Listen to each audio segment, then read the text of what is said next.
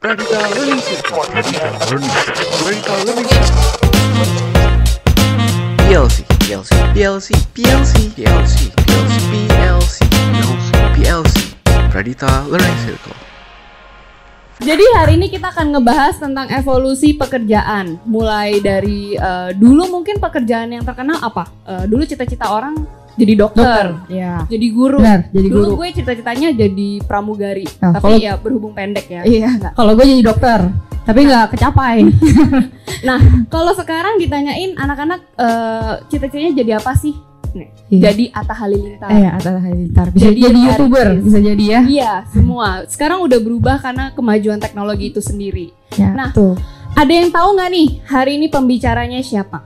Yang Ada yang bisa tahu? jawab dapat rumah. Ada yang tahu? Mungkin nih Sharon tahu.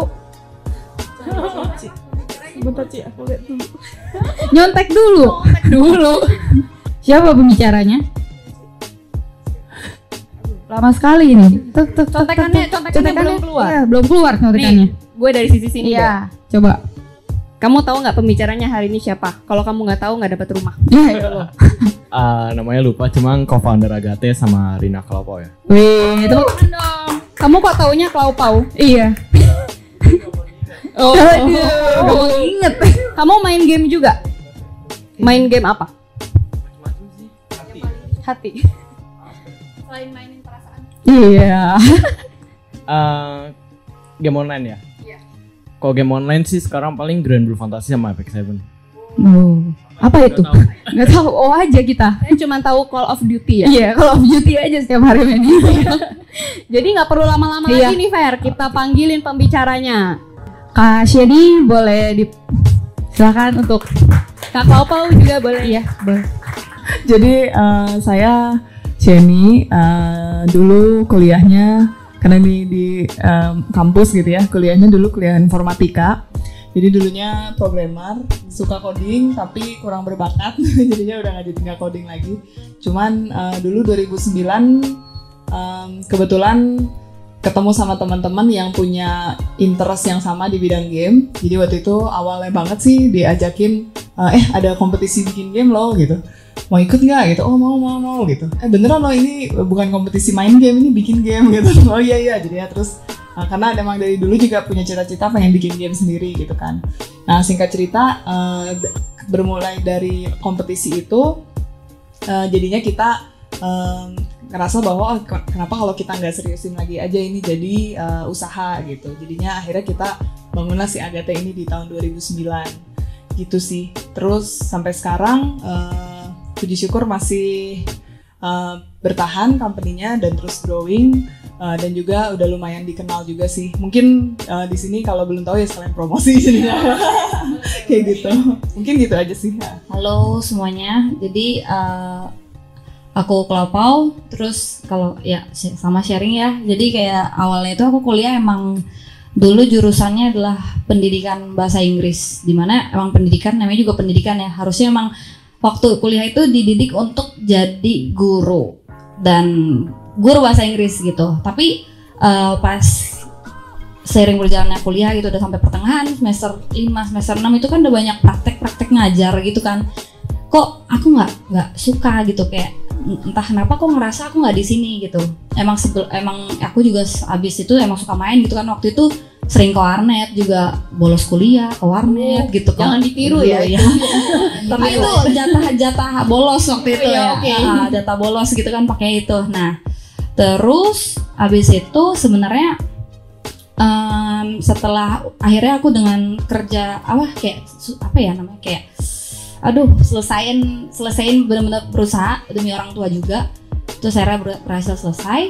Abis itu kayak ibaratnya mau kerja nih eh, udah pengen di game sebenarnya. Cuman itu konflik lagi tuh sama orang tua. Dimarahin lah gini-gini. Ngapain kamu kerja di game nah terus entah kenapa udah sempet lupain tuh pokoknya entah kenapa tuh aku bisa kerja di game itu juga sebenarnya aku bilang tuh mujizat juga sih udah kayak ibaratnya kamu udah ditetapin di suatu tempat tuh nggak bakal dibelokin lagi Emang gitu Udah jalannya kayak udah gitu jalannya ke ya. situ akhirnya ke situ lagi dan dan orang tua lama kelamaan awalnya juga nggak setuju lama-lama sekarang emang udah didukung 100% Udah di proof lah.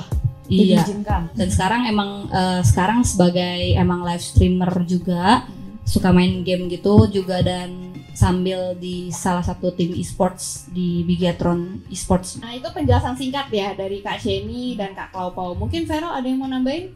Oh iya, untuk Kak Sheni, eh, mungkin tadi kakak ada sebutin nih tentang Agate. Mungkin beberapa teman-teman ada yang udah pernah dengar Agate? Udah ya. Nah mungkin aku boleh minta di-sharingkan lagi nih sedikit tentang Agate. Itu apa sih gitu kak? Jadi tadi survei singkatnya jadi ada yang tahu. Ada yang tahu, ada yang tahu. ternyata. Ada yang tahu Agate? Tahu. Apa? Enggak aja. Oh oke, iya benar, nggak salah. Ya oke. Berarti tahu ya, udah di proof berarti. Iya, oke. Jadi tadi pertanyaan apa? Jadi boleh di sharingin lagi aja. Jadi Agate itu eh, kakak kira-kira ada apa aja game-gamenya seperti itu. Boleh di sharingin aja nih ke teman-teman biar lebih jelas juga. Boleh sekalian dipromosikan juga. Karena sebenarnya kan mungkin kita tahu gamenya itu, tapi kita nggak tahu siapa sih orang di balik game Betul. itu. Mungkin selama ini kita sering mainin kayak Call of Duty nih. Kalau Iya. misalnya gue ditanya Call of Duty dari siapa ya nggak tahu, Nggak tahu. gitu. heeh. Kayak gitu sih. Iya.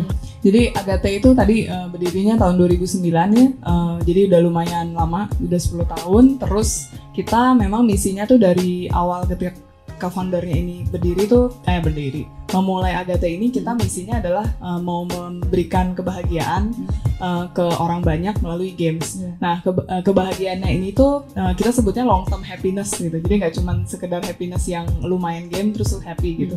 Maksudnya apa? Jadi ternyata tuh ada risetnya happiness itu ternyata ada tiga level. Jadi level yang pertama itu pleasure. Pleasure itu adalah uh, ketika kita main game misalnya Candy Crush gitu ya, ketika kita berhasil matching gitu terus ada cing cing cing cing kita Iya. happy gitu ya. Jadi itu pleasure. Makanya kita bikin games uh, untuk uh, di mobile jadi bisa di-download dicari uh, Agate di situ ada banyak games kita um, yang memang tujuannya tadi untuk membuat orang uh, happy gitu ya. Terus yang kedua adalah uh, passion. Passion ini di mana uh, orang itu menjalankan kehidupannya sehari-hari itu gimana mereka bisa menjadi lebih bahagia ketika menjalankan itu uh, dengan dibantu oleh gamification. Jadi kita ada membuat uh, produk-produk seperti uh, namanya Levio itu adalah uh, platform untuk karyawan itu bisa belajar di situ dengan jauh lebih menyenangkan. Ada avatarnya di situ. Terus kalau lu belajar tentang misalnya kan kalau di perusahaan besar kan ada modul-modul peran belajaran yang harus dijalanin gitu ya. Ketika dia udah belajar nanti karakternya tuh bertumbuh gitu. Jadi lebih ada um, sense of gratification lah gitu ketika belajar. Terus level ketiga adalah purpose di mana uh, orang itu akan menjadi lebih bahagia in the long run ketika dia mempunyai tujuan hidup yang jelas di, uh, di hidupnya. Ini maksudnya gimana? Uh, jadi kita contohnya adalah uh, mekanisme-mekanisme di game kita itu kita ingin membuat komunitas kita itu saling mensupport satu sama lain. Jadi bukannya berarti misalnya uh, kayak winners take all takes all gitu sih. Jadi aku harus bunuh kamu supaya aku bisa bisa mengalahkan Iya, uh, iya, penguasa iya. game ini. Instead of begitu kita saling kerjasama untuk uh, bisa mencapai the greater good gitu sih. Jadi uh, seperti itu mungkin kalau dari misinya. Nah terus kalau games-games kita yang lagi hot di belakangan itu mungkin untuk cewek-cewek ya. Jadi kita ada game namanya Chayo Stories. Uh, ini judulnya akan ganti, cuman sekarang di. Play Store uh, judulnya masih Chayo Stories. Uh, bisa dimainkan di situ. Uh, kita baru ada cerita-cerita yang baru juga cerita horor. Jadi nggak cuma cerita cinta-cintaan. Jadi sorry itu interaktif uh, visual novel. Jadi uh, mungkin suka ada guil- guilty pleasure gitu. ada cowok-cowok ganteng di situ. Tapi nggak cuma itu, jadinya ada cerita horor juga dan 30% dari pemain Jaya Stories itu ternyata cowok. Jadi cowok-cowok di sini silakan kalau mau main habis ini. Walaupun kelihatannya gamenya unyu-unyu ya, emang cowok kebanyakan yang main ya. Iya, nah terus habis itu uh, yang yang hot yang berikutnya adalah kita ada game namanya e-sport. E-sports King. Jadi itu kita kerjasama dengan RRQ. Uh, jadi e-sports team di Indonesia. Terus kita kerjasama sama mereka. Jadi nanti gamesnya akan rilis hopefully di this year sih. Jadi di akhir tahun ini. Tapi kalau tadi eh, Kak Sheni ngomong tentang pembuatan game yang ngebuat happy, gue salah satunya yang download eh, Juragan Post. Jadi game itu memang ngebuat happy kenapa? Karena deket banget sama kita. Backsoundnya ada orang jualan bakso, jualan sate, ada angkot lewat. Bahkan sampai ke simpel kayak eh, gue milih orang yang akan eh, tinggal di kos gue itu Iya. bener apa enggak, sifatnya gimana, kayak gitu sih. Memang maksudnya nggak bikin stres, tapi lucu aja bisa buat wasting time lagi nunggu apa gitu tuh. Iya. lagi stres jadi ya bisa stress Iya. reliever juga gitu ya. Iya. Iya. Ya, jadi buat teman-teman jangan lupa untuk download ya gamenya yang dipunya Agate, oke? oke, mungkin eh, selanjutnya aku ada yang mau ditanya juga kak. Jadi ibaratkan setiap indu- industri game itu pasti kan punya keunikan nih masing-masing ya. Nah kalau dari Agate sendiri keunikannya itu apa sih? Itu dibandingkan dengan industri industri game lainnya seperti itu. Uh, mungkin keunikannya dari perusahaan game lain sebenarnya kita uh, walaupun kita banyak rilis game yang kayaknya Indonesia banget nih kayak misal tadi Juragan Iya, Cost gitu ya. tapi sebenarnya aim kita um, untuk produk-produk kita tuh mostly sebenarnya ke global market. Kayak contohnya uh, games kita yang di konsol yang di Switch dan PS4 itu namanya Valtrian Arc Hero School Story namanya ribet. Jadi gamesnya itu tuh tentang um, manajemen sekolahan gitu. Jadi kayak bayangkan Harry Potter tapi kita instead of uh, memanage wizards aja tapi kita memanage RPG heroes gitu. Jadi karena kalau kita main game RPG gitu waktu kecil gitu ya atau sekarang juga main game RPG kita suka wondering nggak sih ini knights uh, alchemist wizards ini tuh semua mereka belajar di mana sih? Nah mereka ada sekolahnya Iya. gitu. Jadi kita ada gamesnya uh, gamesnya di yang tadi tuh untuk uh, kita jadi kepala sekolahnya kita manage sekolahnya. Nah terus keunikannya Nah, itu contoh keunikan dari uh, Agate di mana kita membawa real life experience ke dalam games. Jadi kayak um, real life experience ini kita juga hopefully yang unik gitu ya karena kalau kalau dicari di luar sana juga game yang memanage sekolah itu belum banyak sebenarnya. Apalagi yang populer kayaknya masih sangat sedikit gitu. Nah, terus kalau ke depannya sendiri kita um, punya misi untuk membawa uh, bukan kayak kayak ini banget ya klise banget kearifan lokal. Enggak sih cuma maksudnya uh, kita ngerasa bahwa kalau kan tadi kan ke global market ya. Ke global market itu gimana caranya kita bisa menang di global uh, adalah bukannya cepet-cepetan kerja gitu karena kalau cepet-cepetan bikin game itu kalau kita ditandingin sama perusahaan game China itu pasti kita kalah gitu karena mereka kerjanya jauh lebih keras Betul, ya, iya. orang-orangnya udah lebih jago gitu Kayak ya udah gak kenal istirahat aja. Iya, kerja bagi kuda. Benar, jadi kayaknya kalau lomba cepet-cepetan kita nggak bisa menang. Iya. Uh, oleh karena itu kita lebih ngambil angle-nya adalah uh, keunikan dari si gamenya itu sendiri. Jadi gamesnya itu gimana caranya bisa unik adalah uh, dengan tadi membawa kearifan lokal. Kenapa itu sebenarnya uh, bukan klise, tapi uh, karena Indonesia tuh kalau kita perhatiin uh, kan negara yang besar. Iya. Uh, cuman kalau di uh, orang Amerika gitu mereka banyak yang belum tahu sebenarnya Indonesia tuh apa sih gitu. Kayaknya kalau kita datang ke US gitu ya terus oh ya saya datang dari Indonesia. Oh, hmm, udah pernah ke Indonesia belum? Belum gitu. Gue pernahnya ke Bali gitu. Iya. Bali tuh Kalau Indonesia Bali, gitu. Lombok, kayak gitu. Iya, tapi mereka nggak tahu itu tuh part dari Indonesia. Jadi banyak banget yang mereka masih belum tahu, uh, sehingga ini tuh masih sangat uh, potensial gitu untuk dimasukkan ke dalam media game dan jadi keunikan tersendiri. Jadi intinya sih membawa um, experience yang Indonesia banget yang tadi itu, tapi juga pasti nggak mungkin mentah-mentah gitu ya kayak tukang bakso gitu mungkin mereka nggak ngerti gitu Iya, kan. iya, betul, Jadi betul. contohnya, jadi kita akan rilis juga game di awal tahun depan. Itu gamesnya itu ceritanya kita jadi um, dukun gitu. Nah, dukun, dukun. ini Serem juga dukun. Punya Jadi guna. isinya- jadi nah, isinya tuh nangkep nangkepin hantu gitu. Oh, nah, hantunya, hantunya itu hantu kayak mak lampir.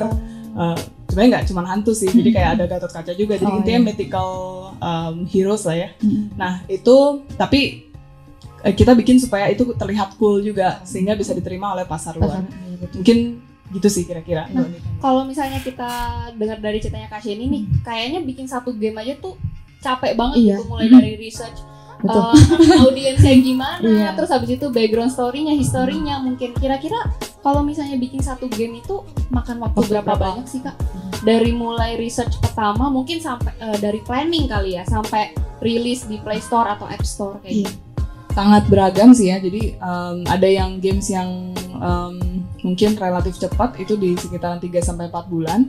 Uh, tapi ada juga yang kayak lama banget yang Caldrian Arc itu tuh uh, kayaknya itu di, di dua setengah tahun deh. Uh, itu pun sebenarnya itu kayak Agatha dengan skala sekarang kita baru bisa uh, mengerjakan project dengan scope yang seperti itu. Oh. Padahal game di luar sana misal Call of Duty atau jangan Call of Duty deh, yang kayak misalnya Final Fantasy Iya, 15 iya, gitu iya. ya, yang di PS ya Final Iya. Fantasy 15 itu makan waktu 7 tahun gitu kalau nggak salah. Jadi lama banget gitu. System. PLC, PLC, PLC, PLC, PLC, PLC, PLC, PLC, Pradita Learning Circle. Eh, mungkin eh, yang terakhir pertanyaan untuk Kak Sheni, aku mau tanya nih Kak, kan kita tahu nih sebenarnya industri itu banyak nih di luar sana gitu ya. Kenapa? Tapi Kak Sheni itu memilih industri game dibandingkan dengan industri lain. Apalagi kan sekarang lagi boomingnya itu industri kopi ya banyak, karena kan ada kopi janji jiwa, lain hati segala macam. Kenapa nggak industri fashion? Iya. yang cuannya lebih gampang. Ah, ya lebih gampang, tapi memilih untuk industri game. Nah, kenapa tuh Kak? Um, kenapa nggak industri fashion? Karena nggak passion di situ. Balik lagi ya ke Bisa fashion, dari- itu paling penting. Iya, dilihat dari baju yang saya pakai. gitu, biasa saja gitu. Jadi eh, kenapa? Tapi kenapa industri game itu sebenarnya karena ya tadi sih dari kecil mungkin sama juga kayak Kelapau ya dari kecil suka main game. Terus kayaknya eh, waktu SD juga zaman dulu tuh kan ada buku kenangan Iya. tuh gitu ya. Di buku kenangan Iya, tuh nulis kenangan, cita-citanya game developer gitu. Iya. Jadinya eh, memang udah cita-cita dari dulu, terus eh, dan beruntung juga sih karena udah udah jalannya juga mungkin ya dikasih jalan untuk em, berkecimpung di industri ini.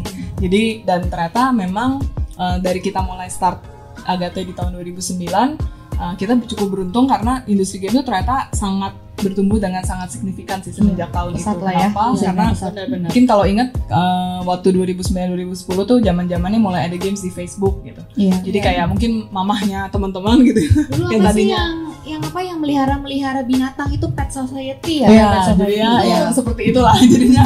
Mungkin eh, mamah-mamah kita gitu Iya. ya atau eh, siapa gitu ya tante gitu. Jadi yang no idea tentang game, nggak pernah megang game, tahu sama game sama sekali, tiba-tiba mereka main games gitu. Jadi tiba-tiba jadi tadinya marketnya cuman eh, ya gamer kita gitu ya, gamer hardcore gitu ya. Eh, tiba-tiba meluas gitu, meluas jadinya ya tadi siapa pun bisa main gitu sih.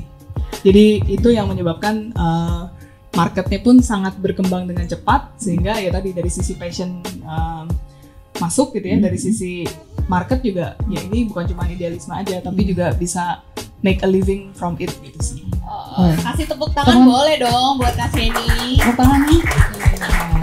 Nah, tadi udah kita denger nih dari Kak Sheni. Sekarang Iya, kita mau dengar dari Kak Cel. Klaupau. Nah, eh, kalau Kak Klaupau sendiri kan tadi ngomongnya eh, kuliahnya jurusan bahasa Inggris ya. Nah, kenapa sih dari bahasa Inggris kok bisa akhirnya mikir kayak oke, gua akan serius di dunia game ini. Awal mulanya gimana sih Kak? Eh, jadi eh, ini sharing ya jadinya ya. boleh, Kalau dulu itu mm, dari bahasa Inggris terus ke game sebenarnya kan emang dari kecil emang suka main. Terus abis itu emang dasarnya main, ya udah kuliah juga ya sambil main gitu kan Iya, warnet diceritain Iya, iya. gitu ya. kan. Nah, terus abis itu dari situ kan eh, aku juga ngeliat dulu waktu itu mulai agak gede itu waktu itu gara Dota ya, Dota Iya. 2. Terus ada TI-nya gitu kan. Wah, keren banget gitu kan di lore udah sampai segede ini gitu. Hmm. Terus akhirnya aku dari situ, wah Indonesia bisa nggak ya sampai kayak Oh. gitu gitu kan. Nah, dari situ aku tapi eh, kayak browsing-browsing gitu di Indonesia maksudnya kayak perusahaan kayak publisher atau gimana kayak gimana sih gitu kan browsing-browsing terus kayak wah pengen nih kerja di ini kerja di ini gitu kan pengen pengalaman ceritanya pengen masuk ke indus industri apa, apa terutama e-sportsnya itu Iya. sebenarnya nah dari situ sih sebenarnya gara-gara lihat Dota 2 itu Hmm. yang TI gede itu terus jadi pengen dan akhirnya kayak gitu Tapi dulu awal mula yang bikin kayak main game itu siapa? Apakah memang eh, diajak temen atau memang dari kecil suka Iya. main pinball? Dulu gue Iya, mainnya iya, pinball, pinball, iya, kalau benar. komputer ya. Kalau dulu eh, sebenarnya gara-gara Cici juga Cici kan main dulu, tapi kan zaman dulu tuh kan ya online nggak ada ya offline Iya, gitu zaman betul, kecil gitu betul. kan. Ya game-game apa ya dibilang gaji-gaji dulu lah Gaji-gaji ya. dulu, Iya. Eh, kebetulan kalau PS dulu waktu kecil aku cuma main di rumah temen tuh pun di Jawa emak gitu kan. Iya, ya disuruh pulang. disuruh pulang gitu kan. Minta beli PS nggak boleh gitu kan. Kamu ngapain anak cewek main PS gitu kan. Ya Main boneka. boleh. nggak boleh. Terus akhirnya cuma nyolong nyolong waktu udah. Akhirnya cuma ada PC main dah gitu doang sebenarnya Kalau tadi kan Koko juga pernah cerita nih eh, orang tua awal-awalnya protes, kenapa sih kok main game, kayak gitu. Nah kalau sekarang udah oke atau akhirnya kayak ah ya udahlah biarin anak gue berkreasi. Iya. gitu. sekarang udah oke sih dulu dulu sih dilarang banget ya sampai aku udah ngelupain ya udahlah udah ngelupain mimpi gitu Iya. soalnya waktu itu kan namanya selayaknya eh, mahasiswa yang emang baru lulus kan pasti kan buta gitu kan bingung nih eh, saya mau cari duit dari mana gitu kan habis lulus mau ke mana nih Iya, iya. mau nah, ambil ancang-ancang ke mana gitu Apalagi zaman dulu kan gak ada istilah gamers Iya, kan. Iya dulu tuh belum ada gitu kan Mm-mm. turnamen juga waktu itu cuman ada di warnet warnet gitu Iya, waktu itu betul. kan Dota yang lagi banyak ya di Iya. warnet warnet Hmm. terus ya sebenarnya ya kayak gitu gitu doang sih sebenarnya Tapi akhirnya kayak sekarang oh ya udahlah mungkin passionnya anak saya kayak gini kali ya. iya sebenarnya orang tua juga kan ngelihat makin makin ke sini makin lihat waktu itu sih sempet tuh waktu eh, waktu itu aku sebut aku kerja di mana nggak apa-apa Oh perusahaannya aja. Perusahaannya, Iya, iya. Perusahaannya bidang apa? jadi waktu itu tuh salah satu publisher kalau misalnya kalian kenal game League of Legends jadi aku pertama kali itu di situ dan waktu itu kan di, nggak dibolehin. Terus ya udah akhirnya boleh terus segala macem. Dulu aku kerja di sana tuh mama aja sampai kan karena mama mungkin nggak tahu dunia game itu seperti apa.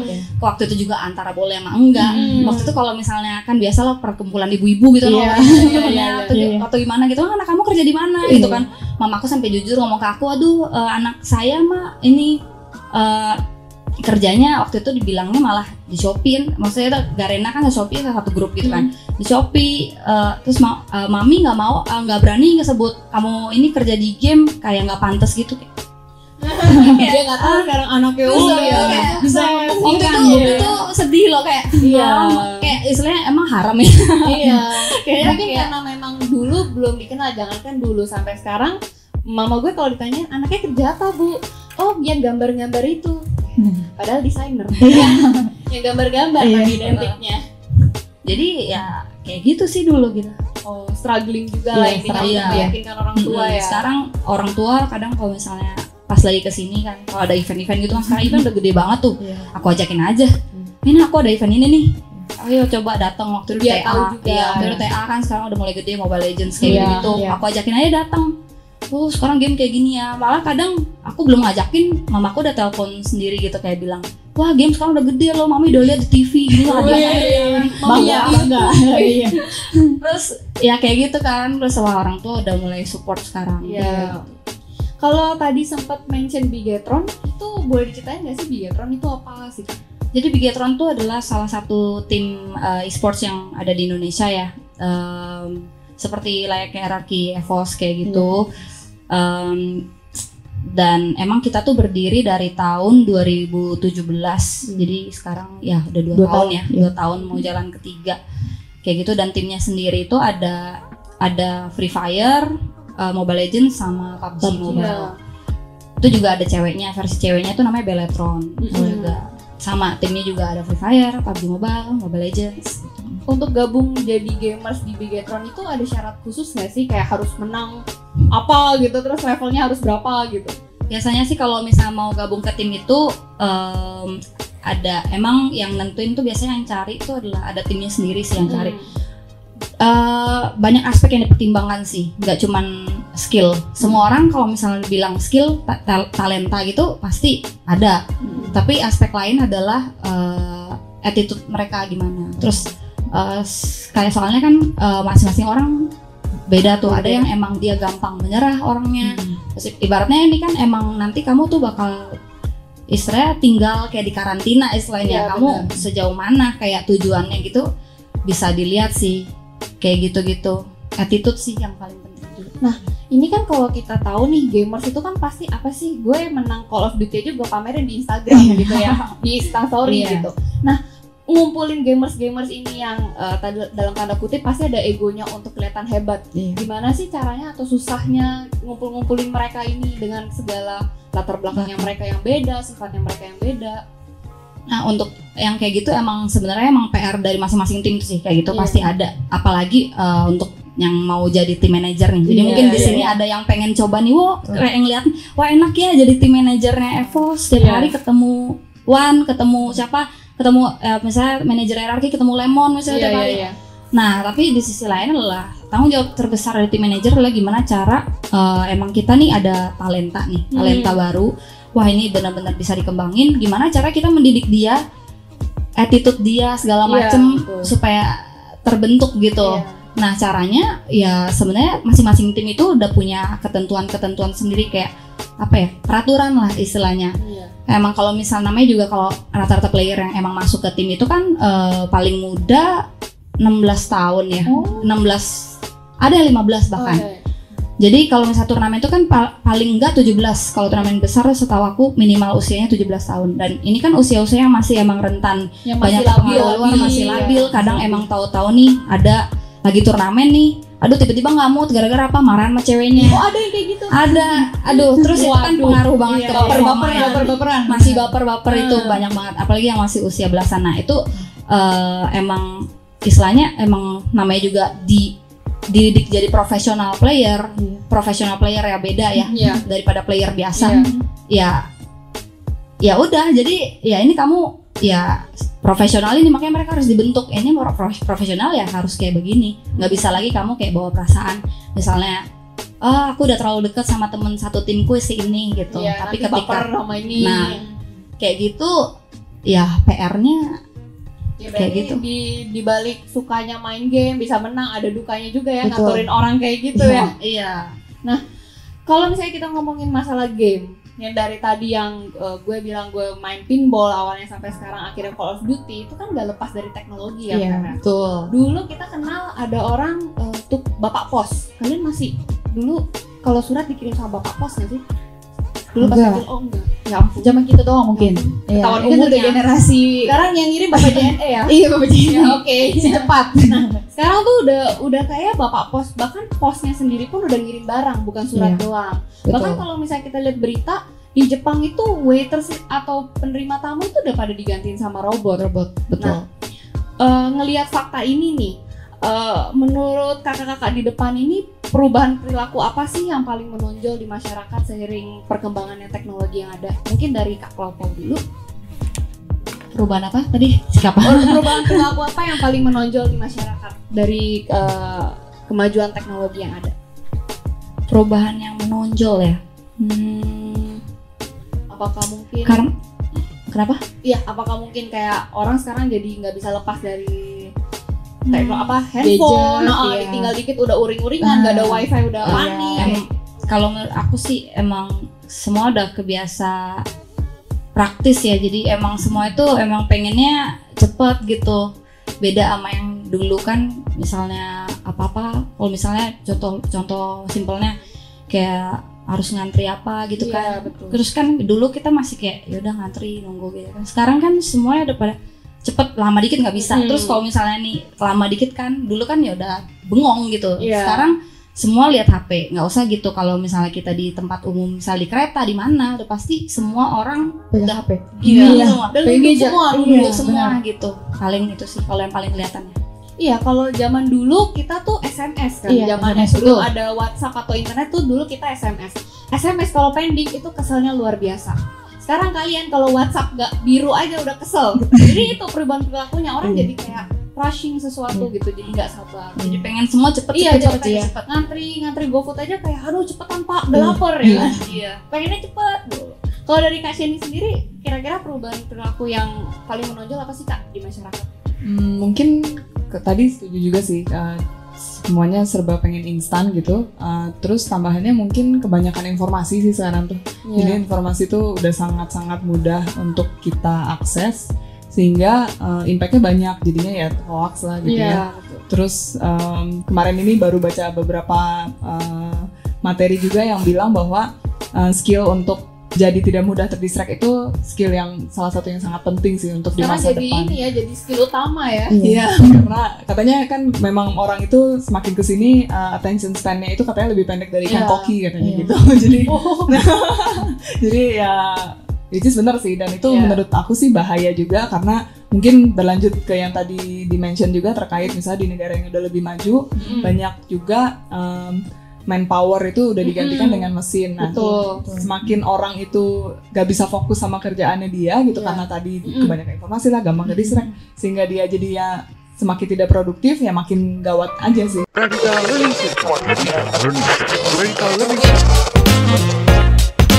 PLC, PLC, PLC, PLC, PLC, PLC, PLC, PLC, PLC.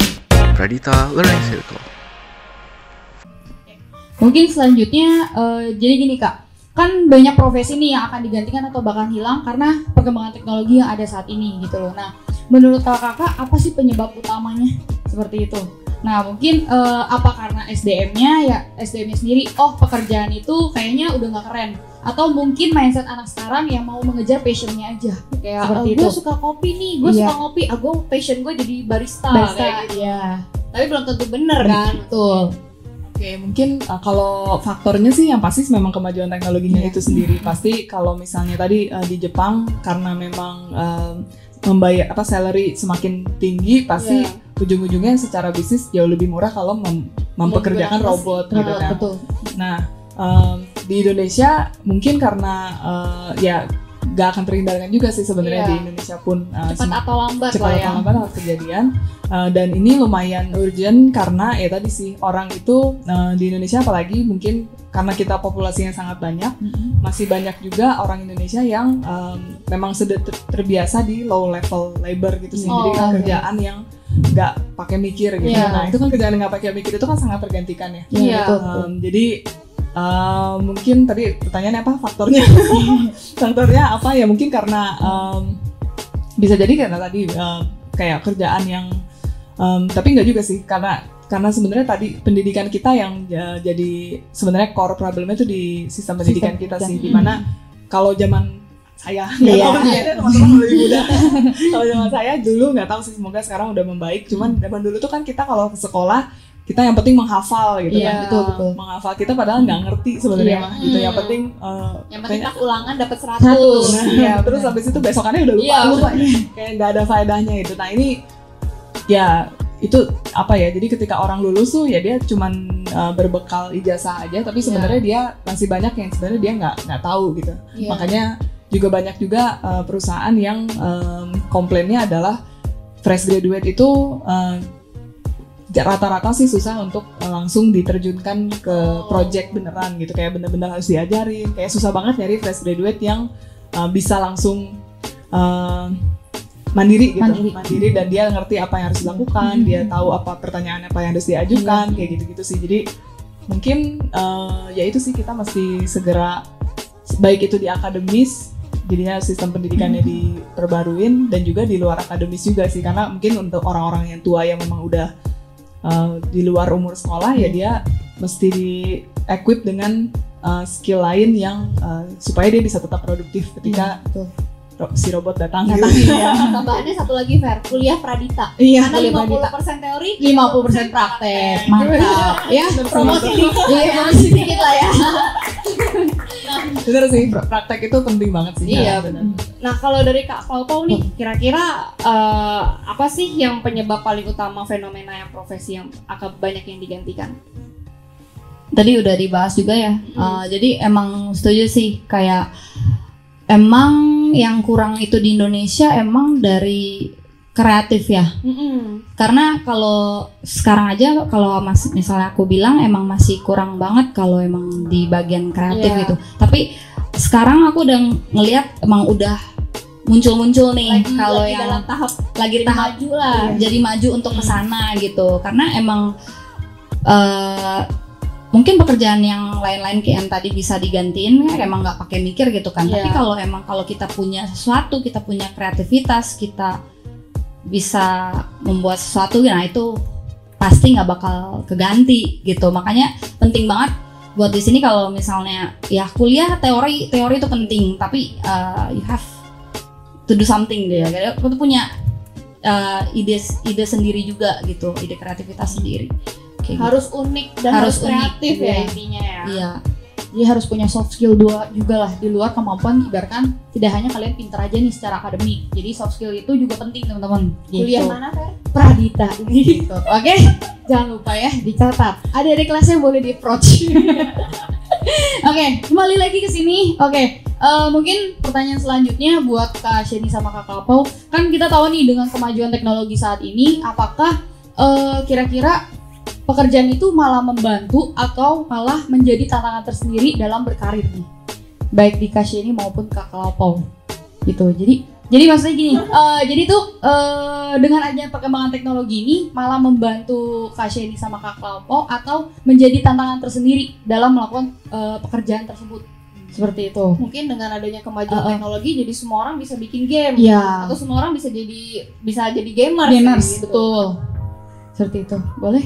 Dari Kak Kalau menurut, kalau menurut aku sih lebih ke tantangannya ya, Oh. karena emang itu kan pasti uh, berkembang terus ya, Mm-hmm. dan itu bar- uh, artinya adalah kita harus bisa mengupgrade diri kita lagi. Kalau kayak gitu, kita juga harus berkembang gitu, Iya, nggak cuman pekerjaannya yang berkembang, tapi dari sisi SDM-nya juga emang harus ya mau nggak mau untuk Iya. berkembang gitu. Kalau nggak kita bakal stuck gitu sih. harus mau ngikutin teknologi juga ya. Kalau misalnya kita nggak mau ngikutin teknologi, orang udah ngomongin ABC, kita masih aja ngomongin apa, ya nggak Iya, nyambung. Nggak nyambung, betul. Kalau dari Kak Sheni, Um, tantangan pasti ya karena eh, apalagi kita di industri game development Mm-mm. di mana ya dari um, even setahun aja udah bisa perubahannya banyak, banget gitu di eh, apa teknologi pembuatan game tantangan pasti ada tapi juga kesempatan juga jadi ada juga sih Mm. gara-gara teknologi berubah kayak misalnya zaman dulu tuh kan kayak 10 tahun lalu gitu ketika Iya. Agate berdiri itu kan belum ada tuh game di mobile gitu Iya, ada sih cuman gamenya Snake gitu ya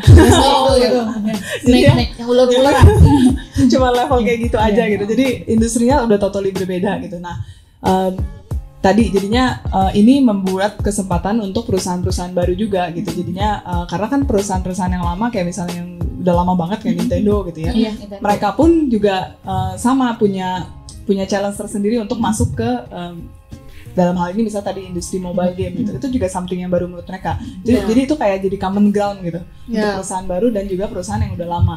Which is itu kesempatan untuk uh, perusahaan game di Indonesia ya termasuk Agate juga karena kan industri game development tuh di Indonesia masih sangat baru ya Iya. Uh, berkembang lumayan Growingnya masih uh, tinggi banget Iya. loh. Growingnya tinggi dan juga uh, perusahaan game semakin banyaknya itu paling di 10 tahun ke belakang Hmm. kalau dibandingkan dengan Jepang, Korea, US itu kan kayak wah udah ketinggalan Ketinggalan. beberapa dekade gitu kan jadi makanya dengan perkembangan teknologi malah jadi kesempatan sih buat kita sebetulnya kayak gitu Sekarang ini kan karena kemajuan teknologi juga banyak industri nih yang mulai gonjang-ganjing tuh. Let's say kayak industri percetakan dulu gila duitnya banyak, banget. ya. Sekarang industri percetakan digantikan dengan digital karena orang udah ibaratnya udah pengennya di gadget lah satu Iya. gadget gitu. Nah kalau dari kakak-kakak ini nih ada kekhawatiran tersendiri nggak sih kalau nanti suatu saat nggak tahu 10 tahun lagi, Iya. 20 tahun lagi industri game akan hilang? Sheni dulu. Tadi mungkin yang tadi kalau Pak udah mention juga Hmm. sih uh, industri game terutama di pembuatan game itu kan something yang kreatif ya. Jadi walaupun nanti robot eventually bisa membuat game sendiri, Iya. kayaknya itu masih akan sangat lama. Jadi uh, sangat lama dan juga uh, harusnya sih manusia masih sangat punya competitive edge sih di, Hmm. bidang, di bidang kreatif ya. Hmm. Karena kayaknya yang out of the blue gitu itu Iya, kayaknya iya, iya. random sekali gitu kayaknya uh, sulit sih kalau Iya. uh, robot bisa mencapai ke situ. Iya. Gitu sih dan juga yang mengerti orang um, orang itu yang bikin orang happy itu seperti apa ya harusnya orang juga kan. Jadi Iya. harusnya kita punya uh, competitive Aku edge di pernah baca di suatu penelitian intinya robot itu nggak akan bisa ganti interaksi sosialnya manusia. Jadi ketika dia menggantikan penerima tamu, tetap aja kehangatan antar manusia ini nggak bisa digantikan Hmm. oleh robot. Hmm. Makanya itu yang menyebabkan mungkin teknologi bisa maju, tapi ya nggak akan bisa menggantikan Gantikan manusia. manusia, betul. Nah kalau dari Kak Paul sendiri ada kekhawatiran tersendiri nggak sih? Hmm, kalau khawatiran sih eh, nggak terlalu ya karena Hmm. kalau kalau aku sih punya eh, kepercayaan dan apa ya prinsip kali Prinsip, ya bilangnya. iya. Karena bilangnya eh, manusia itu emang emang kita ada tuh emang udah luar luar biasa diciptakan gitu Iya, loh iya. Eh, dengan kreativitas yang luar biasa gitu dan aku percaya emang eh, nggak ada matinya gitu Iya. kalau kreativitas asal emang kita mau dan berusaha Dan sebenarnya. diasah terus ya. Iya, dan emang keterbatasan tuh cuman paling manusia apa sih cuman waktu paling Iya, yang terbatas. betul. Tapi kalau kreativitas itu menurut aku itu manusia asal mau dan ya emang pengen berkembang terus otaknya segala macem itu nggak akan bisa habis. Heeh. Ya, yang penting mau berusaha dan bekerja keras. Mau ditempatin di mana pun, kalau misalnya usaha dan kerja keras pasti bakal bisa Iya. sih. Pasti akan berhasil. Oke, sok bijak. sok bijak. Oke, selanjutnya eh, mungkin pertanyaan buat Kak Sheni. Jadi, gini Kak, inovasi apa sih yang Kak Sheni buat eh, untuk industri game tetap menarik dan membuat Agate itu berbeda daripada industri game yang ada yang yang lain seperti itu? Ayo. Berpikir dulu sebentar. Uh, ini lebih konteksnya untuk uh, karyawan atau untuk Mungkin Untuk- lebih ya dua-duanya boleh, Boleh, ya. iya. developer game Iya. dengan karyawannya sendiri. Oh, Oke, jadi uh, kalau untuk karyawan sih kita uh, masih terus uh, berusaha improve juga sih, di mana kita membuat perusahaan yang um, sangat uh, membuat orang itu bisa bekerja dengan produktif, gitu. produktif dan juga ya kenapa bisa produktif? Karena dia happy di situ, uh, orang-orangnya juga culture-nya bagus, inline dan juga um, align juga dengan uh, misinya perusahaan gitu sih. Jadi um, mungkin itu dari sisi alignment culture dan mission. Terus kalau di, di sisi lainnya sih kayak uh, makan siang gratis gitu. Enak ya. Kita ke Agate aja, Bang. Waduh, waduh, waduh. Aduh direkam loh. Jadi uh, kalau fasilitas-fasilitas gitu sih uh, ya ya banyak juga perusahaan yang ada juga cuman uh, kita harus selalu mendengarkan apa yang uh, kita sebutnya kru ya kru kita um, pernah kasih feedback sih maksudnya Iya. oh ya kayaknya ini uh, bagus kalau ada fasilitas Iya. yang gitu-gitu ya. Walaupun harus ada dipilah-pilah juga ya karena kalau diminta terus. Ya nggak mungkin kan? Ada tempat tidur ya, Iya. tempat tidur empuk ada ada tempat tidur. Wow. Kita Agate aja, Bang. Ya, tempat tidurnya terbatas sih cuman eh, ya kalau buat kayak eh, tidur siang sebentar gitu itu bisa. Terus apalagi ya? Em, kita percaya kalau misalnya games kita bisa menginspire banyak orang eh, nantinya ju- itu akan membuat apa ya eh, perusahaan kita lebih outstanding juga buat feedback ke perusahaannya juga lah ya. Iya. Ibaratkan Agate itu juga mensupport apa yang dibutuhkan oleh karyawannya seperti itu. Di sini nih gara-gara cita-cita Agate ini pasti ada yang pengen kerja di Agate. Iya, ayo siapa? Makan siang gratis. ada, tempat, tidur. Ayo. Bisa tidur siang 30 menit, Nah, makan 30 menit tidur. Nah, benar. Kalau dari Kak Sheni sendiri apa sih kriteria utama untuk menjadi krunya Agate Iya, supaya bisa fit in dengan Agate-nya sendiri? iya. mungkin kriteria utama tadi attitude juga sih Iya. jadi attitude kayak eh, salah satu main kriteria terus yang kedua adalah alignment mission tadi sih Ya, jadi kayak em, kenapa kerja di Agate itu bisa membantu dia untuk mencapai misi pribadi dia Iya. gitu. misalnya eh, ya gue nantinya goalsnya adalah misalnya mau mau jadi arsitek misalnya gitu. Ya tapi jangan kerja di Agate Iya, Iya, agak jauh ya, Bu. gitu mungkin kerja di Pradita masih Iya, jauh. Iya. kayak gitu. Ada Sumarekon terus apalagi ya? Em, kriteria lainnya oh harus suka game juga sih. Oh, suka Nah, game. karena Dicatat. Ya teman-teman dicatat. Harus suka game. jadi bahkan kru Heyday. gak apa-apa gak apa-apa. Jadi bahkan kru, kita yang non developer jadi yang memang gak hands on bikin gamesnya gitu ya. Jadi kayak kru finance uh, kru HR gitu. Uh, itu semuanya uh, kayak itu salah satu kriteria lah. Jadi ketika kita Oh. tanya karena kalau nggak susah untuk dia bisa relate dengan uh, karena kan misalnya HR apalagi. Soalnya game itu kan kayak bahasa di Agate gitu Iya. kan. Ya jadi nggak fit in aja. nggak fitin dan apalagi ya HR gitu. Dia mau bikin event yang uh, event internal. Kayak nanti kita minggu depan ada event Halloween gitu ya. Event Halloween yang seru buat gamers tuh kayak apa sih gitu. Iya. karena kalau gamers tuh kita jujur di Agatha tuh mungkin mayoritas orang-orangnya tuh introvert gitu ya. Oh, gimana biar introvert introvert ini tuh? Kayaknya gamers banyak kan introvert, ya. jadi gimana biar introvert ini bisa tetap happy tetap enjoy dengan acaranya itu kan kayaknya perlu perlu tahu juga Iya. gitu uh, being uh, relate lah Iya. sama menjadi gamers itu seperti apa kayak gitu Kalau aku baca nih ya, research research Kalau aku baca nih, katanya Agatha itu mewakili Indonesia di tahun 2012 dalam Tokyo Game Show. Boleh diceritain nggak sih kenapa kok bisa Agatha yang mewakili Indonesia? Itu kita cukup beruntung sih waktu Hmm. itu uh, karena um, waktu itu uh, belum terlalu banyak perusahaan Hmm. game apalagi yang besar gitu ya jadi uh, lupa sih waktu itu udah lama Iya. juga tujuh tahun Uh, cuman ya mostly gara-gara itu terus uh, kebetulan ya jadi ya karena kita salah satu yang uh, paling besar pada saat itu terus habis itu ya diundang sama uh, pihak Tokyo Game Show-nya terus kita sangat bangga sih karena Hmm. kita jadi perwakilan uh, pertama dari Indonesia di uh, event Tokyo Game Show. Tokyo Game Show tuh kayak mungkin salah satunya naik hajinya Oh, gamer gitu ya. yang top of the top, Iya, intinya top kayak of the gitu. top, one of the top of the top benar. Jadi uh, kayak wah kayak keren banget gitu. Gitu sih. Kalau untuk tahun 2017, Agatha bekerja sama dengan Telkom Indonesia. Apa hubungannya ya? Iya. Game sama Telkom. Telkom. ya?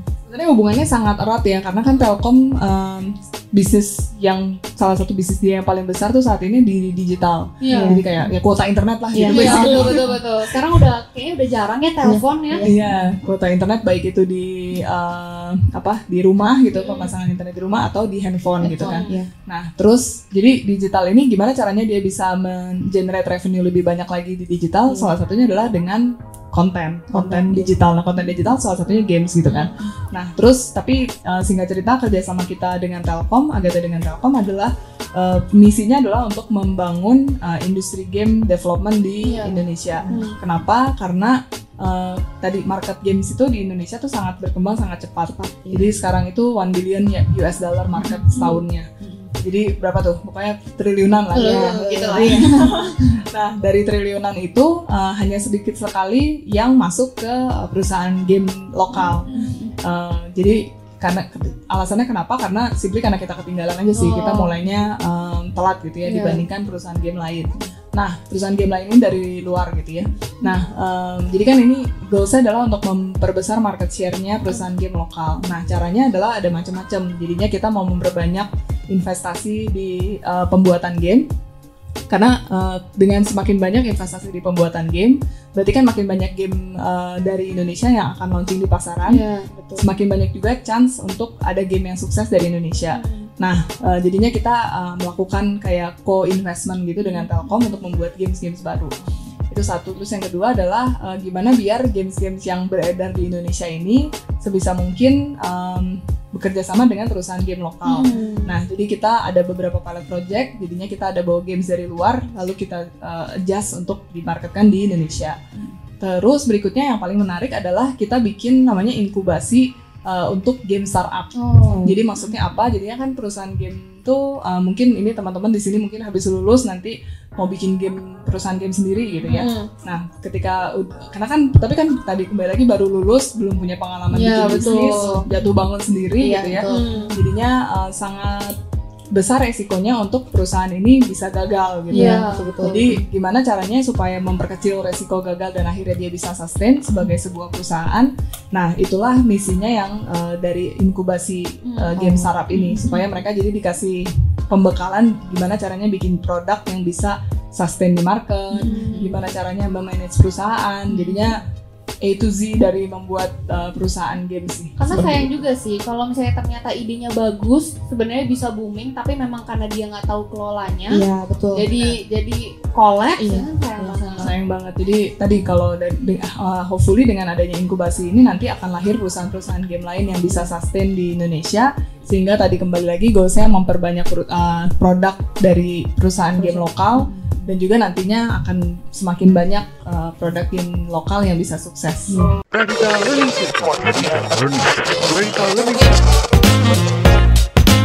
PLC, PLC, PLC, PLC, PLC, PLC, PLC, PLC, PLC. Radita Learning Circle. Nih, kalau kita lihat kan Kak Pau ini kayak selebgram. Iya, Kalau ketemu selebgram. di jalan, aku kira selebgram. Iya. ya kan? Nggak kelihatan kayak gamers gitu. Nah, eh, banyak banget kan sekarang tuh gamers gitu. Dari mulai yang terkenal karena sensasi, Iya. mungkin kalau terkenal karena jago gitu. Nah, kalau dari Kak Pau sendiri gimana sih caranya bersaing dengan para influencer gamers lain gitu? Hmm, sebenarnya eh, tetap jadi diri sendiri aja sih, Hmm. karena nggak nggak bakal mungkin sih kita ngikutin. Ya kita pasti ada idola masing-masing, suka sama siapa, suka sama siapa, Iya, suka ngeliat ini, suka ngeliat itu, tapi tetap aja kita emang nggak bisa ngikutin dia, nggak bisa Iya. ngikutin gaya hidup dia Betul, atau betul. cara ngomong atau cara apa aja lah, nggak Mhm. bisa ya harus tetap jadi diri sendiri. Karena itu kunci yang paling utama Utama. kali ya jadi diri sendiri. Betul. Justru mungkin Kak Pau ini disukai orang karena jadi diri Diri sendiri, sendiri, bukan iya. pura-pura jadi orang lain. ya iya harusnya ya. Harusnya ya.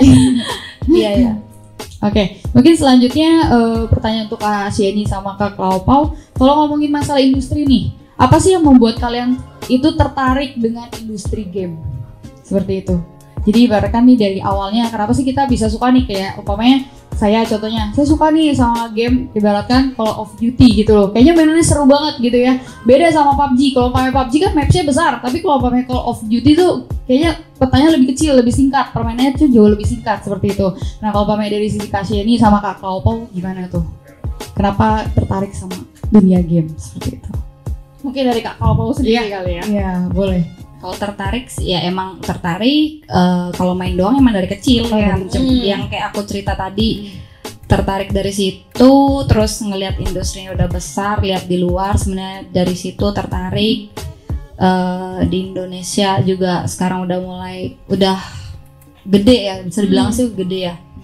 Nah karena emang aku juga suka di situ suka main suka dan tambah lagi yang bikin aku senang karena emang udah terjun dari awal di situ terus juga udah banyak teman-teman di situ eh, berkecimpung di situ. Jadi ya mungkin ada nyaman juga kali ya. Jadi ya, Udah emang comfort. ya, ya comfort juga gitu. Kayak gitu sih. Nah kalau dari Kak Jenny nih?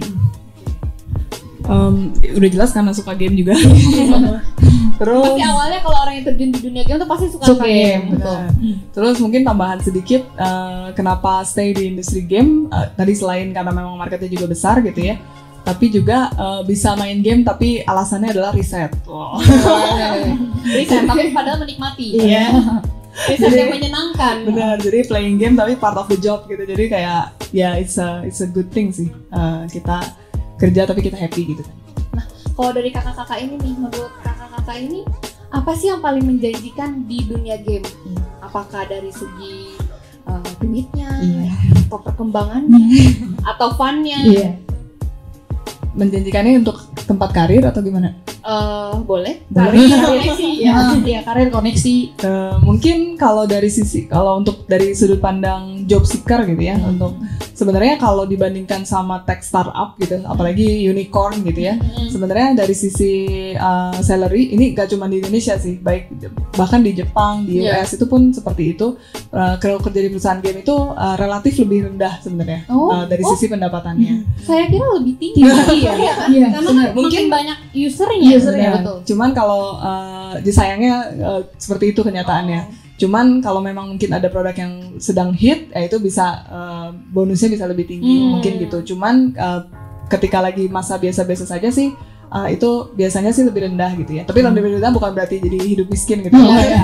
cukup cukup Ya, cukup, oke. Sejahtera sih sejahtera. Cuman ya tadi kalau dibandingkan pasti kan di atas langit ada langit ya. Iya, Jadi, iya, iya. Ini the brutal fact kayak gitu. Hmm. Cuman uh, yang tadi sih kalau uh, kalau di market yang uh, udah establishment tadi di US, di Iya. Jepang uh, yang berkarya di uh, perusahaan game itu baik kerja di um, Nintendo di mana itu tuh mereka memang ya passionnya di dunia game Iya. gitu. Memang mereka suka main game dan juga mereka senang ngelihat orang lain happy dengan uh, apa yang dia bikin gitu. Iya. Jadi itu ada kayak apa ya? Ya karena kan orang tuh hidup nggak cuma demi uang ya. iya betul Jadi ada kebanggaan tersendiri Betul, lah kesenangan lah. Iya. Benar. Uang itu kan sebenarnya kayak bensin aja gitu. Iya. Ya, lu kan hidup nggak cuma untuk bensin. Iya, gitu. betul. Jadi em, kayak apa ya? Bisa jadi itu kayak jadi panggilan hidup aja sih kayak senang senang lihat orang lain senang kayak gitu-gitu sih. kalau dari kak Pau sendiri Iya. Kalau menurut aku sih eh, apa ya?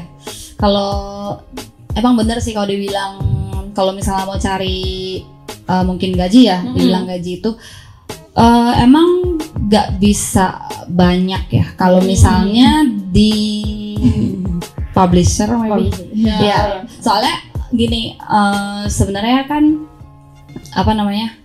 eh kalau misalnya kayak emang masih baru gitu kan baru lulus kan kadang bingung kan ada yang Iya, bingung ada yang emang udah tahu nah kalau misalnya bingung nih emang menurut aku emang eh kalian bakal bisa belajar banyak hal sih kalau misalnya kalian di terjun di game soalnya kan emang kreatif nih Hmm. mau di eh, publishernya maupun di eh, sekarang ada tim e-sportsnya Iya.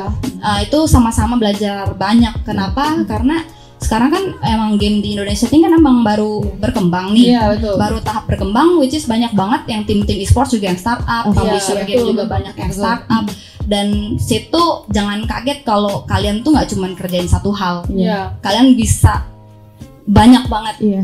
mulai dari kalau misalnya aku bisa sharing dulu aku eh, titelnya sih sebagai game operation gitu kan, tapi juga live streaming, community Wah, manager, ngadain event, pasti semuanya. jadi kayak ngadain semuanya Iya, lah. betul. untuk uh, itu kalau di publisher. Kalau misalnya di tim di tim itu ya apalagi kalau timnya ada banyak gitu kan. Hmm. event juga misalnya bisa tabrakan dalam sehari. Misalnya ada tim PUBG M sama Free Fire dalam Iya. satu hari Hmm. event bareng-bareng.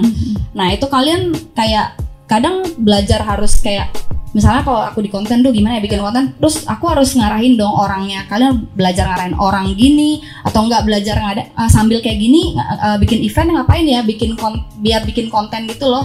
Bikin konten terus juga ngelibatin fansnya yang datang. Iya. nah jadi kita mikir oh ya bikin event ini aja. Nah itu banyak. Jadi kayak banyak pengalaman-pengalaman kayak gitu-gitunya sih. Lebih menurut aku sih kalau kalian emang baru gitu juga baru ini kalian bakal belajar banyak hal dibanding kalau misalnya kayak kerjaan yang biasa misalnya kalau yang apa ya formal apa gimana ya ngomongnya ya Iya. kerjaan yang formal gitu kan pasti karena dia udah eh, terbentuk misalnya Hmm. udah gede perusahaannya udah gede itu udah pasti udah lebih tertata gitu Iya, betul. kerjaannya ya kamu yang kerjaan satu ini ya ini ini Sudah doang jelas, gitu jelas Iya. desk. nah kalau aku yang aku senang eh, yang aku senang di game itu eh, emang kita tuh bisa men- ke mana-mana mencakup Iya. semua gitu jadi ya beda-beda orang sih tapi kalau aku aku boleh sharing ya emang senengnya di situ jadi nggak cuma semata-mata materi doang Fer, Iya, tapi betul. ada ilmu, pengalaman, Iya. koneksi juga sama mungkin iya ya. koneksi juga kar- karena setiap kali kalian event atau apa Mm. ada pasti kan ketemu-ketemu yang lain Iya, dan juga orang betul.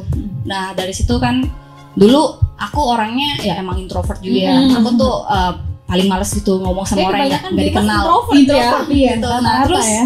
karena di event aku harus ngomong harus ngarahin orang, harus ngomong ketemu sama Mm. orang juga, ketemu influencer, ketemu siapa, caster, ketemu apa. Jadi ya lama-lama ya harus terbiasa event gitu, ya ngobrol. Kadang kita harus deal-dealan gitu kan Mm. kalau misalnya mau kerja sama kayak gitu. Nah, Kayak gitu sih. kan sebagian dari kita nih pasti main game buat apa? Buat ngilangin suntuk kan, suntuk kuliah. Kalian Iya. muka muka Refreshing. Nah, ah, kalau misalnya dari kakak-kakak di sini nih, kalau misalnya suntuk ngapain? Kan pasti main game, tapi kan game kalau suntuk main game gimana? Iya. suntuk main game, suntuk bosan. Aduh capek nih aku live streaming terus ya kan. Aku capek research game ya. Kira-kira kalau dari kak Kelopong sendiri ngapain? Hmm, kalau aku bosen main game eh, Bingung ya? ke mana ya Bingung ya? Gimana itu pekerjaannya? iya sih paling ya paling ja- jalan-jalan aja. Paling kalau aku sih kalau mau bunek banget ya pergi ke mana kayak gitu. Atau enggak iya atau enggak nonton film udah gitu doang. Aku simple ya udah gitu doang. Dari Kak Jenny nih, kalau butek banget udah research game ini ini mulu gitu. Udah penat lah, udah penat. kayak udah maksimal banget. Bahkan main game pun udah bosan nah tadi sama sih nonton nonton em, terus eh, baca buku. Terus eh, ngapain lagi ya? Tidur. Iya. Gitu sih. Melakukan pekerjaan yang nyantai, Nyantai, dikit lah ya. ya Oke, pertanyaan selanjutnya. Jadi kalau umpamanya nih Kak Shady sama Kak Klau, eh, Klaupo, kalau umpamanya dikasih kesempatan lagi nih, kira-kira pengen kerjanya jadi apa nih? Tapi selain jadi gamers seperti itu. Kita berandai-andai Kita dikit nih. Kita ber- ah, berandai-andai dikit lah gitu loh. Kira-kira pekerjaan apa nih yang mau dikerjakan seperti itu? Boleh? Boleh, Waktunya Jadi- berapa? 5 menit? 5 menit. 10 menit? Iya. Ah, kalau Pau dulu boleh? Bingung. Eh, bingung sih jadi sebut eh, kalau misalnya mau share sebelumnya sih emang eh, sebelum jadi gamer eh ya gitu sih emang sempet terbesit ya kan sempet nih kalau Iya. misalnya Iya, iya, cita-cita kan biasa Dapat ilham lah. atau aduh Iya. coba pengen nyoba nih pengen jadi ini ya dulu sih ada minat animasi dulu Oh, iya. dulu tuh punya cita-cita sebenarnya wah pengen tuh ke Jepang gini kerja dia di maksudnya kayak ya animasi gitu Iya. kan ya ya dulu sih sempet doang kepikir sebenarnya udah nggak kesampaian bukan itu berarti ya Emang udah. jalannya jadi gamer aja iya. udah. Udah. itu doang sih Nah kalau dari Kak Jenny nih, bingung juga ya apa? Cuman em, mungkin passionnya selain game makanan sih. Jadi sesuatu yang berhubungan sama makanan. Eh, karena suka masak juga. Iya. Eh, jadi ya something yang berhubungan sama itu kali. Mungkin jadi youtuber masak gitu. Bisa jadi food blogger, food blogger, blogger. Ken and. Iya. kayaknya lebih tertarik nggak bukan buat makannya sih tapi eh, bikinnya gitu. Bisa jadi master Kitnya chef. lah. Bisa Master master- chef. Iya benar. boleh boleh boleh. Dari sekian banyak prestasi nih yang udah Agatha dapetin, udah Kak Klaupo dapetin, apa sih satu aja prestasi yang paling membanggakan sepanjang karir kalian? Boleh dari Kak Sheni dulu. Um, ini udah cukup lama ya. eh, cuman yang kayaknya lumayan achievement itu eh, waktu itu kita kebetulan saya waktu itu masih jadi game producer. Ya. Jadi waktu itu game yang saya produserin itu eh, berhasil dapat publishing deal sama anak perusahaannya EA. Oh. Jadi eh, itu kayak wah sesuatu banget Iya. ya. Jadi eh, itu sih mungkin karena yang ya karena itu kayak beneran tightly related sama game sendiri. Jadi kayak wah kayak achievement itu di tersendiri. tahun berapa? Waduh lama banget jadi Oh. tahun 2000 2013 gitu. Oh 2013. Mantap. Ya. Padahal berdirinya 2009. Sembilan. Iya. Tergolong masih perusahaan muda itu ya, Iya, Kak, iya, itu ya. betul. Iya. Kalau dari Kak Klaupo? Kalau aku sih eh, kalau eh, kurang dari setahun ya waktu itu Mm-mm. eh, Bigetron ya karena aku di konten Oh iya. Eh, kurang dari setahun emang targetnya sih sebenarnya kalau ini buat mencapai misalnya kalau YouTube kan subscriber gitu kan. Hmm. seratus ribu dalam setahun. Waktu itu Bigetron baru dua tahun kan. Iya.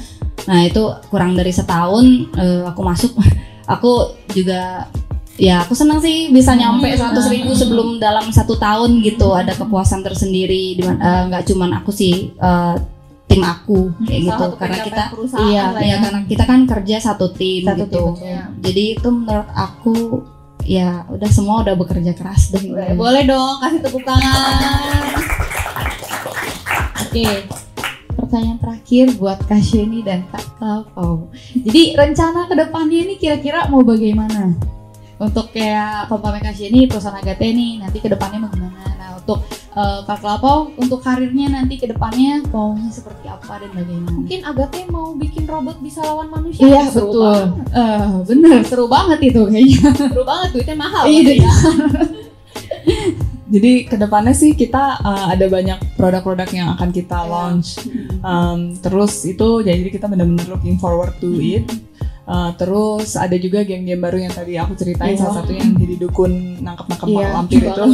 iya. jadi itu kayak um, salah satu produk pertama kita yang kayak mengedepankan banget uh, budaya Indonesia, Iya. tapi kita bikin keren gitu. Iya. Jadi tenang aja jadi malampirnya bukan malampir yang norak gitu, tapi Mampir yang unyu, unyu ya. dibikin unyu dibikin cool gitu Hmm. supaya tadi kembali lagi karena kan kita target market target marketnya adalah uh, global market Iya. terutama di western sih Mm. di mana kita bisa appeal ke mereka ya bikin jadi cool gitu nah Hmm. um, kita bener-bener looking forward to Iya. uh, having more Indonesian game developers Iya. yang bisa uh, bener-bener populer di luar sih Mm. gitu Kalau Kak Klaupo. sendiri? nih goal pribadi apa boleh Bigetron? pribadi boleh Bigetron Iya. atau dua-duanya boleh Hmm, eh ya kalau misalnya ini Bigetron dulu deh. Iya. Ya, aku, aku lebih sibuk di Bigetron. Jadi kalau Bigetron itu nanti ke depannya emang eh, planningnya tuh kita bakal ngadain sekarang sih kalau misalnya mungkin udah sempet tahu udah ada kita udah ngadain beberapa turnamen-turnamen jadi kita tuh ngadain turnamen itu untuk mencari player sih lebih tepatnya kita mau cari bibit-bibit baru nih kayak sekarang tapi rata-rata semua eh, udah hampir semua sih menjalankan ini. Emang turnamen-turnamen PUBG, Free Fire, online gitu kan. Tidak menutup kemungkinan kalau misalnya emang kalian berpotensi terus kalian ikut turnamen gitu kan terus Bigetron ngeliat nih wih kayak nih bisa nih direkrut gitu kan. Oh. Nah itu biasanya kita ngambil emang dari situ. Sekarang Oh. sekarang tim semua kayak gitu ngadain turnamen mau apa kayak RRQ, EVO Iya, semua. iya. ya itu untuk melihat bibit-bibit kayak gitu. Jadi untuk sekarang ini sih kita lagi mau lagi jalan sih untuk Mm. ja- lagi jalan COD iya kalau Bigetron kita nanti bisa kita bisa iya. tanggal 25 itu nanti di live streaming sih kayak finalnya gitu. Emang jujur Bigetron lagi cari bibitnya makanya kita ngadain. Bibit. Dan ke depannya juga nanti untuk game-game lain misalnya ada baru lagi. Heeh. Dengar-dengar ada League of Legends Mobile juga. Oh. Nah, itu juga nanti rencana juga kayak begitu. Wah, seru banget. Seru Tepuk banget. tangan Tepuk sekali tangan lagi dong buat Nani.